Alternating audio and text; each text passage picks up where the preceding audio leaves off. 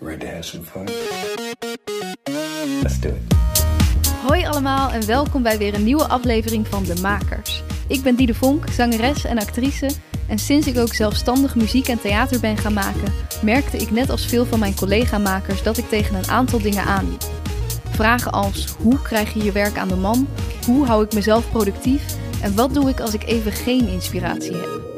Daarom ben ik deze podcast begonnen, waarin ik elke week een inspirerende maker interview en vraag om tips. Vandaag spreek ik zanger, acteur en theatermaker Marijn Brouwers. Deze aflevering is het eerste deel van een reeks van drie hele korte interviews die ik in Tapas Theater live met publiek heb opgenomen. Dus een beetje anders dan anders. Mocht je nou denken op het einde, die Marijn, daar wil ik gewoon een hele aflevering van en nog veel meer van weten, laat het me even weten en wie weet kan ik dat dan in de toekomst nog een keer doen. Marijn Brouwers is dus zanger en acteur en hij heeft een aantal hele mooie solovoorstellingen gemaakt. Vorig jaar werd hij opeens ernstig ziek en moest hij al zijn werkzaamheden stoppen. Nu gaat het gelukkig al een stuk beter weer met hem en is hij langzaamaan weer aan het spelen. We hebben het over makerschap, initiatief nemen, maar natuurlijk ook over wat het met je doet als je ziek wordt en hoe je weer terugkrabbelt. Heel veel luisterplezier. Hallo Marijn, wat leuk dat je er bent. Hallo. Of dat wij hier zijn in Mhm. Tapas Theater. Ik begin altijd even met de vraag: wie ben jij en wat maak jij? Dat is een hele leuke vraag. Mijn naam is Marijn Antonius Gijsbertus Brouwers. Wauw. Ooit geboren in Brabant en 2001 afgestudeerd aan de Kleinkunstacademie. En wat kun je dan als je van de Kleinkunstacademie afstudeert? Nou, dan word je geacht dat je eigenlijk alles kan. Toneelspelen, zingen, dansen, schrijven. Maar de praktijk leert dat het heel veel verschillende soorten talenten zijn die hun weg vinden in de praktijk. Eh, Carice van Houten of Wende Snijders of Agda de Munnik of Karen Bloem. Zijn allemaal voorbeelden van hoe divers het eh, is. En dat geldt eigenlijk. Ik heb lang gezocht naar wat ik wilde, wat voor theaterman, muziekman ik was. En ik heb ook veel grote producties gedaan. Eigenlijk het eerste deel van mijn carrière. En toen dacht ik, nee, ik wil echt zelf programma's gaan maken. En ehm, een, iemand die ik heel erg goed vind, die werkt niet meer zoveel, is Jenny Arian. Zij maakt, ze is een cabaretière, maar echt een cabaretière die zich vooral profileert in het gezongen lied. En ik dacht, ja, dat wil ik heel graag zijn. Dus ik wil muziektheaterprogramma's maken waarbij ik mooie songs zing, maar die ik eigenlijk niet alleen zing, maar ook vertel. Dus echt songs die je kunt acteren. Eh, ik schrijf een beetje zelf, maar wat ik eigenlijk tot nu toe heb gedaan, is dat ik steeds naar een kapstok heb gezocht. Of vaak ging dat eigenlijk vanzelf naar iets wat mij inspireerde. Dus mijn eerste soloprogramma was een programma over Frans Halsema. En dat is een cabaretier die al bijna 35 jaar niet meer onder ons is, helaas. Vluchten kan niet meer of voor haar, dat zijn zijn beroemdste liedjes. En ehm, wij luisterden dat vroeger altijd heel vaak in mijn gezin. En ik had ooit een stukje over hem gelezen en er stond in een interview: ja, ik voel me altijd meer een, ik voel me altijd meer een zoeker in plaats van een vinder. En dat vond ik zo'n goede zin. Toen dacht ik, ja, dat gaat over mij. En dat was eigenlijk een soort trigger om daar een voorstelling over te gaan maken. Daarna heb ik een programma gemaakt, heb ik songs van Charles Aznavour vertaald in het Nederlands. Toen, heb ik, toen had ik genoeg moed en toen heb ik Jenny Arian gevraagd om met mij een programma te maken. En toen hebben wij samen eigenlijk, ik zei Jenny, jij maakte altijd het soort theater wat ik graag wil maken. Wil je met mij een programma doen? Ehm, dat hebben we gedaan. En mijn laatste solo-programma is een programma geweest over Chet Baker. Over de jazz-trompetist slash zanger. En ehm, ja, hoe heet het? Het zijn echt kleinkunstprogramma's, liedjesprogramma's eigenlijk. Mhm. Met voor 70, 80 procent bestaand dan wel vertaald werk. We- Altijd in het Nederlands moet ik daarbij zeggen. En heel soms dat ik er dan ook eigen nummers doorheen fiets. Ah, ook. Ja. Kijk, nou, eh, indrukwekkend eh, cv volgens mij. Mhm. En je vertelde al, ik, eh, of je hebt dus ook wat grotere producties gedaan. Ja. En wanneer kwam dan voor jou het moment dat je dacht, nu wil ik echt zelf iets gaan maken? Ehm, dat was, ik heb in 2011 meegedaan aan het programma, het televisieprogramma Op zoek naar Zorro. Dus wie weet hebben mensen dat gezien. Dan, Ik in ieder geval wel. jij wel? Heb je ook eens op mij ge-sms'd? Ik weet het niet meer. Ik was toen 16 of zo, denk ik. Of, eh, of hoe lang is dat? Is het 10 jaar? 2011. Oh, oh, dat valt mee. Ja. Eh, ik, dat weet ik eerlijk gezegd Nee, dat maakt helemaal niet uit. Dat was, nou, dat- voor de mensen die het niet hebben gezien, het is een soort de Idols, The Voice. Het is een wedstrijd op televisie waarin je kunt appen of sms'en. Toen nog vooral sms'en en dan kun je iets winnen. En die had op zoek naar Joseph, op zoek naar Evita, op zoek naar Mary Poppins en op Ja. zoek naar Zorro. En daar deed ik aan mee. Maar ik hoorde jou ook ergens zeggen dat er dus 2 miljoen mensen naar keken per avond. Dat is echt bizar, toch? Dat is heel, heel veel. Voor een En ik heb- musicalprogramma. Ja, ik heb eh, toen heb ik ervaren wat echt stress en werkdruk is, zeg maar. Ik weet nog wel dat het zaterdagavond was het live en dan op televisie. En ik had één, mijn openingsnummer was zeg maar dat ik opkwam en dat ik door de deur met rook en dat ik zo recht in de camera moest kijken en dat ik er moest zingen en dat ik alleen maar dacht, 2 miljoen mensen live televisie, ik mag geen fout maken. En dan daarin proberen te ontspannen en goed te zingen. Maar ik, ben- ik heb dat met heel veel plezier gedaan. Maar als ik heel eerlijk ben, heb ik altijd... ehm, ik moet er iets aan bij, vertellen. Ik heb in 2007 heb ik nog de musical Cats gedaan. Geweldig om te doen. Maar dat was voor de eerste keer dat ik mezelf eigenlijk realiseerde. Ik dacht, ik voel me helemaal geen uitvoerend kunstenaar. Ik voel me eigenlijk een topsporter. Want je speelt zeven shows in de week of acht. Dus op vrijdagavond ging mijn poezen-make-up eraf. En dan was je kapot. En 's ochtend- 's ochtends om 11 uur zat je weer in de bus op zaterdag. Om om 12 uur je poezen-make-up erop te smeren. Om vervolgens weer die dansshow te doen. En toen had ik al een beetje haat-liefde verhoudingen met hoe geweldig ik musical ook vind. Maar dat ik dacht, ja, het is, het, is, het is zo. En ik vind hard werken heel prima, want ik doe het heel graag. Maar het is, het is zo ontzettend veel. Dus ik miste een beetje de connectie met, ja, waar het voor mij over gaat, met verhalen vertellen. En toen had ik op zoek naar Zorro gedaan. En het was al vrij duidelijk dat ik niet het ging winnen, want ik was ook al een beetje te oud. Ik was toen halve, begin, nou, halverwege de dertig. Ehm, en toen gingen er eigenlijk een aantal dingen hand in hand. Dus ik had dat idee van Halsema al heel lang. Ik deed toen nog een master op het conservatorium in Tilburg. Dus ik studeerde ook af en ik mocht een afstudeervoorstelling maken. En toen was ik ook nog op televisie iedere week. Dus toen heb ik eigenlijk een afstudeerprogramma gemaakt over Halsema. Toen heb ik een impresariaat gemaild van... Goh, willen jullie mij boeken? En toen speelde ik een aantal dagen in Bellevue hier in Amsterdam. En dat liep toen ook heel goed, omdat ik toen eventjes een heel klein beetje beroemd was, wilde iedereen dat zien. Maar dat programma was heel goed gelukt. En toen zei eigenlijk twee impresaria die kwamen kijken en die zeiden meteen van nou, we gaan jou boeken. En achteraf, en dat was toen niet per se heel bewuste insteek, maar achteraf kan ik zeggen, toen is mijn solo carrière begonnen. En toen, omdat dat liep heel goed, dat Halsema-programma, dat heb ik 120 keer gespeeld. En toen mocht ik iets nieuws gaan maken. En toen, ja, toen zat ik opeens in een aangename modus en molen van ja, maken, produceren, initiëren. Dat was heel fijn. Ja, want je hebt dus die. Het is, het is vanuit een afstudeerproject gekomen. Ja. Dus, eh, want ik zag inderdaad staan, je hebt het geproduceerd zelf ook. Wat Mhm. houdt dat dan precies in? Ja, Of het, ja. dat is een goede vraag. Eigenlijk, ik, heel simpel, het allemaal regelen en het Ja. allemaal doen. Ja. Dus je hebt een idee, oké, hoe ga je dan met dit idee de boer op? Kijk, kijk, het enige wat ik... Ik heb ook mezelf verkocht naar theaters, maar daar ben ik, ik ben dan niet zo zakelijk. Dus dat vond ik echt heel fijn dat een impresariaat dat over ging nemen. ja. Maar de eerste keer heb ik mijn hals, die keer in Bellevue bijvoorbeeld, had ik zelf geregeld. Ik dacht, ik ga een voorstelling maken. Ik wil dat niet alleen maar doen als afstudeerding. Ik wil dat echt in de markt zetten. Dus ik belde Bellevue, ik belde Walhalla in Rotterdam. Ik belde het Verkaderfabriek in Den Bosch, weet je. En ik probeerde allemaal deeltjes te sluiten. Nou, en produceren wordt, naarmate je product groter wordt, wordt dat groter en meer geregeld. Dus toen ik met Jenny ging werken, toen hadden we drie muzikanten mee. Toen moest ik muzikanten zoeken, repetitieschema's maken. Onderhandelen met de agent van Jenny over het salaris van Jenny. Weet je wel, dus ik had allerlei verschillende petten op. Terwijl ik eigenlijk Ja. dacht, maar ik wil, ik wil gewoon op het toneel in ieder geval. Ja, hoe, ja, want je zegt al, ik wilde gewoon op het toneel. Je moest Ja. dus toch wel ook, je hebt een impresariaat, maar je hebt dan eigenlijk dus zelf ook nog wel heel veel taken die je moet Heel doen. veel, nou, dat is Ja. een beetje wat je afspreekt. Kijk, de deal met mijn impresariaat was, wij verkopen jou. Ja. Dus dat doe je. Dus dan krijg je heel netjes een Excelletje en daar staat dan in, je speelt zoveel keer komend seizoen, maar dan is het programma er nog niet. Mhm. En toen hebben we wel afgesproken, als het dan gaat over op kantoor zitten waar je alles binnen handbereik hebt. En ik mocht dan altijd bij Senef, ik zit bij Senef Theaterpartners. Ehm, ik mag daar altijd van het kantoor gebruik maken, dus dat heb ik ook gedaan. Maar ook gewoon eh, met Jenny samen gaan shoppen of naar de kleding, kostuumontwerpen, weet je. Dus je doet, normaal heb je in een grote show bijvoorbeeld, heb je daar natuurlijk alle, dat zijn allemaal beroepen. Gewoon kledingontwerper, eh, decor, licht, eh, Ja. regisseur, arrangeur. En ja, ik heb het eigenlijk allemaal naar me toe getrokken, omdat ik dacht, dat is voor mij de manier. Mhm. En doe je dat nu nog steeds zo?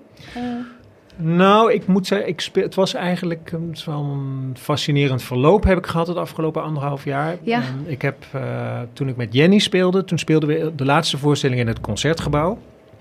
Toen zat Hans Cornelissen in de zaal van Ruud de Graaf en Hans Cornelissen, dus een grote musicalproducent. En die bood mij eigenlijk een hoofdrol aan in de musical Evita. En toen dacht ik, oké, een musical, Evita, een hoofdrol. Dat vond ik ook geweldig. Dus daar heb ik ja tegen gezegd. Maar toen ben ik vorig jaar helaas ongelooflijk gecrashed. Dus ik ben heel erg ziek geweest. En ik vier maanden in het ziekenhuis gelegen. En ik kon niet meer lopen. En het was allemaal heel afschuwelijk en heel dramatisch. Maar ik heb die rol terug moeten geven.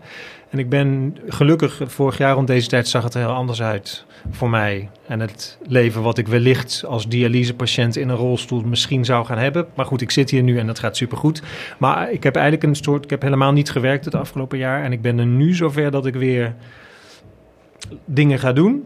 Ik speel hier in het Tapas Theater volgende week een voorstelling, Cure, die ik gemaakt heb. En ik ben ook bezig met het concertgebouw met iets te doen met alles wat ik gedaan heb. Met een soort van compilatieprogramma van eigenlijk van allemaal solo's.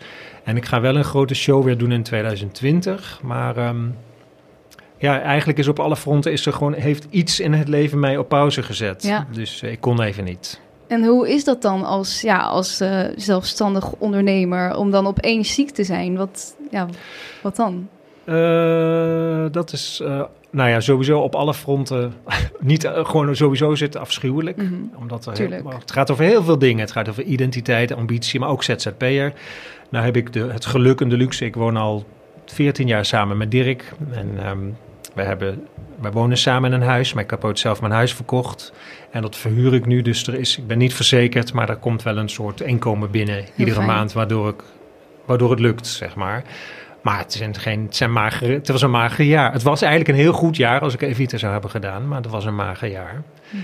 Maar als ik heel eerlijk ben, is dat vind ik dat nog het minst belangrijke van alles. Wat ik, wat ik ingewikkeld vind, is dat ik nu. eh, het is een soort rare mix dat, je, dat ik en heel dankbaar ben dat ik er ben, maar ook dat ik voel dat ik. Het voelt als helemaal opnieuw beginnen. Terwijl dat is niet zo. Ik bedoel, er gaan heus wel wat dingen lopen en zo. En zo'n grote musical 2020 is diezelfde producent geweest die mij dat heeft aangeboden, wat ik te gek vind. Maar. ehm, Je bedoelt eh, voor volgend, voor jaar, is je al iets ja, aangeboden? Ik bedoel, ja, dat is, dat is, maar ik bedoel eigenlijk te zeggen dat er door wat er is gebeurd, is, sta je gewoon on hold en moet je gewoon opnieuw opbouwen. Mhm. En dat vind ik in het klein ook theater maken. In het theater maken is ook iedere keer terug naar een nulpunt Ja. en denken, oké, en opnieuw beginnen. En dat begint dan bij een artistiek idee, maar dat begint ook bij het publiek dat je je afvraagt, oké, en wie zit er nu eigenlijk op mij, te, op, op dit te wachten en waarom maak ik het? Nou ja, dus hoe krijg je het naar de mensen toe? Mhm. En was dat, dat was dus weer erger, dat- of ja, meer geworden toen je dus ziek werd en even echt stil moest staan? Of had je meer de tijd om daarover na te denken? Nee, nou wat het eigenlijk was, ik zou... Kijk, het plan was dat ik Evita zou hebben Ja. gedaan. En daarnaast stond alles al in de startblokken. Zou ik met de actrice Anne-Wil Blankers een programma hebben gemaakt. En dat ging niet. Dat was heel lang onzeker of ik goed uit het ziekenhuis zou komen. Dus dat ging helemaal niet door.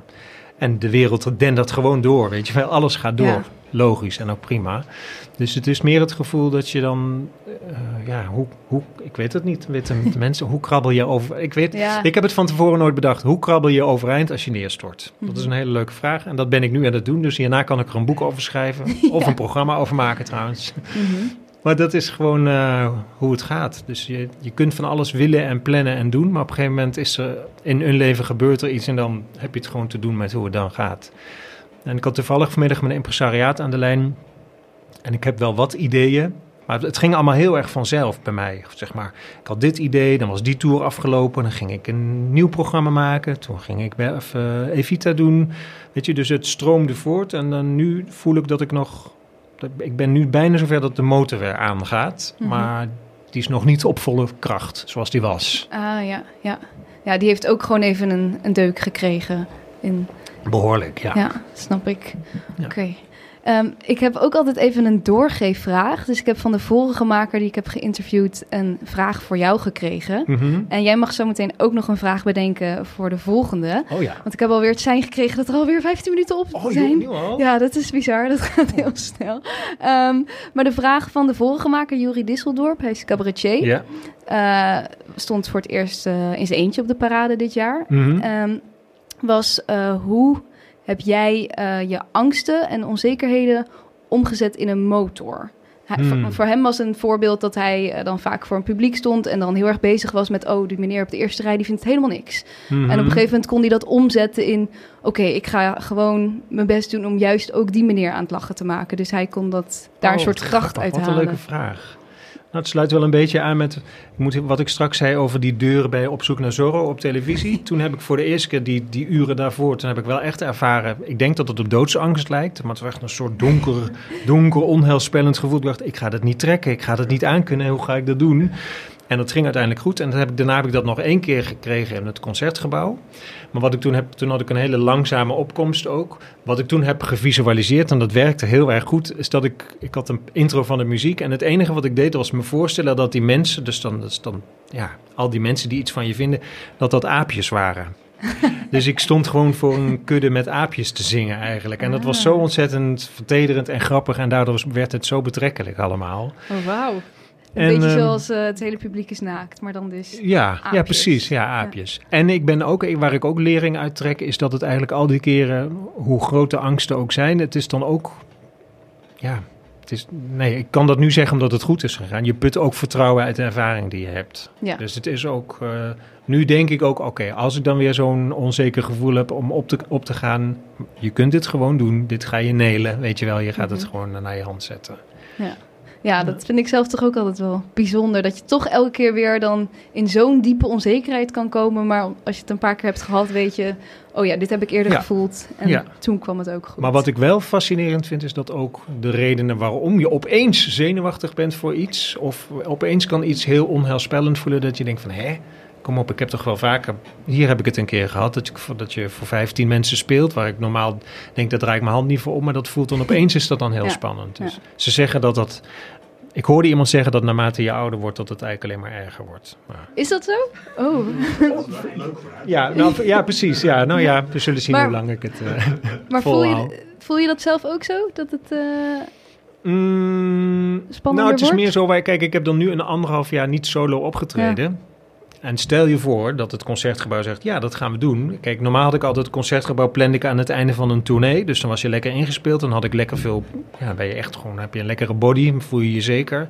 Stel je voor dat het concertgebouw nu belt, je mag volgende maand. Dan zou ik wel ja zeggen, maar dan zou ik wel denken, wow. ja, Dus het heeft ook gewoon, net als met, ik zie het ook in die zin heel praktisch, het heeft ook met sport, net als met sport, je moet dingen gewoon blijven oefenen en Mhm. blijven prikkelen of zo. Dus ik moet maar vaak voor een kudde met aapjes staan, snap je? ja, Dan wordt dat minder eng. precies. Het is ook een spier. En nu is het natuurlijk gewoon weer even geleden. Ja, ja, dus door de afstand wordt het wat enger of zo. Ja. En dat hele concertgebouw, want je hebt volgens mij met elk programma in het concertgebouw gestaan. Ja, Eh, behoorlijk uitverkocht ook. Ja. En eh, is dat ook via dat impresariaat gegaan? Of heb nee, je dat daar is zelf... dan altijd, en dat vind ik dan een leuke, daarom vond ik het ook, vind ik dit ook een hele leuke podcast. En voor iedereen, wat ik eigenlijk, voor mij zijn dat de voorbeelden waarin ik heel erg ben beloond, dat eigen initiatief beloond wordt. Mhm. Eh, ik heb gewoon gemaild en gezegd: luister, ik ben die en die en ik heb dat en dat programma. En ik denk, ooit toen had ik wel nog in het Halsema-verhaal. Halsema heeft ook, volgens mij was zijn eerste of zijn laatste concert, geloof ik. Hij heeft ook een keer in het concertgebouw opgetreden. Dus ik probeerde een soort van bruggetje te maken. Maar daardoor mocht ik komen en ja, toen had ik de mazzel dat het uitverkocht was en het ging heel erg goed. En dan, ik wil helemaal niet zeggen, nu ben ik een huisvriend van het concertgebouw, maar je bouwt dan wel wat op. Tuurlijk. Dus eh, ja, Ja. ik ben altijd een groot voorstander als mensen ideeën hebben. Ook al eens denk je, oh ja, nee, maar moet ik dat wel doen? Denk ik altijd, ja. Gewoon, je krijgt vaker nee, maar als je dan een ja krijgt, is het echt eh, super. Ja. En is dat, ja, of heb je nog een andere tip die je zou meegeven aan aanmakers die denken... Ehm, nou, ik, ik ben me ervan bewust dat het vandaag de dag gewoon heel, heel, dat er heel veel mensen zijn die het willen, iets maken en die op tournee willen. En het klinkt een beetje plat en naïef van gewoon doorgaan en volhouden, maar ik geloof daar wel in. Ik bedoel, en, het is, en dat is makkelijker gezegd, maar je moet een ongelooflijk lange adem hebben. Eigenlijk ging het bij mij ook pas vrij laat in mijn carrière dat ik dit ging doen, maar ook dat ik het durfde doen in ieder geval.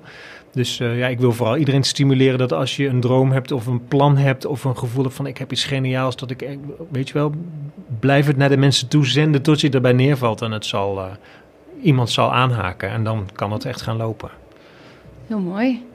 Dankjewel. We hebben het, eh, het eh, signaal al gekregen, toch? Of niet? Moet ja. ik de vraag nog Oh, stellen? ja, dat, ma- dat mag ook achteraf, Oh, ja, als je nog even daarover Oh, na ja, wil denken. Of heb je nu gelijk een vraag? Is de, degene die na mij komt ook de volgende gast? Eh, ja, Hanneke Last. Ja. ja. Nou, dat vind ik het wel. eh, ik vind het wel een leuke vraag aan Hanneke. Hanneke, waar begin jij als je een. Waar ben je in het geval? Ze heeft een programma wat nu gaat over het begin. Waar ben je begonnen? Waar ben jij begonnen? Mooi. Ja, ik vond namelijk een heel mooie voorstelling. Ik heb het gezien, maar ik ben dan vooral benieuwd eh, hoe dat is ontstaan. Oké. Nou, heel goed. Ga ik die aan haar vragen. Oké. Heel erg bedankt. Graag gedaan. Kort maar krachtig. Volgens mij hadden we nog heel lang door kunnen praten en ik had hem nog veel meer willen vragen. Mooi hoe hij benadrukt dat eigen initiatief echt wordt beloond. Hij had natuurlijk het geluk dat hij wat bekendheid had opgebouwd met Op zoek naar Zorro, maar dan moet je natuurlijk jezelf nog wel echt bewijzen als soloartiest. En dat heeft hij met zijn hele sterke voorstellingen zeker gedaan. Iets als contact opnemen met het concertgebouw lijkt natuurlijk super groot en misschien zelfs onbereikbaar, maar hij is het gewoon gaan doen en heeft daar ondertussen zelfs een goede relatie opgebouwd. Dus probeer het gewoon. De ene keer krijg je een nee en de volgende keer een ja. Ik wist natuurlijk hoe hij van de een op de andere dag heel ziek is geworden en vind het heel erg knap hoe hij hiermee omgaat. Je kunt opeens een hele hoop niet, maar wat kan je nog wel? Hij is zich meer gaan storten op tekenwerk en andere manieren om zich toch nog creatief te kunnen uiten. Heel erg bewonderenswaardig als je leven zo omgegooid wordt. Hij is dus weer aan het spelen. Hou daarvoor zijn site marijnbrouwers.nl in de gaten, want daar komen weer mooie dingen aan. Heel veel dank aan Marijn voor het gesprek en tot volgende week. Vond je dit een leuk gesprek? Abonneer je dan op de podcast en volg de Makers Podcast op Facebook en Instagram. Delen en reviewen is heel erg fijn en laat het me vooral weten als je nog gasten of vragen hebt die je graag wilt horen. Volgende week staat er weer een hele bijzondere, inspirerende gast voor je klaar. Deze podcast werd gemaakt door mij, Diede Vonk, en de muziek is van David Zwarts. Tot volgende week bij De Makers.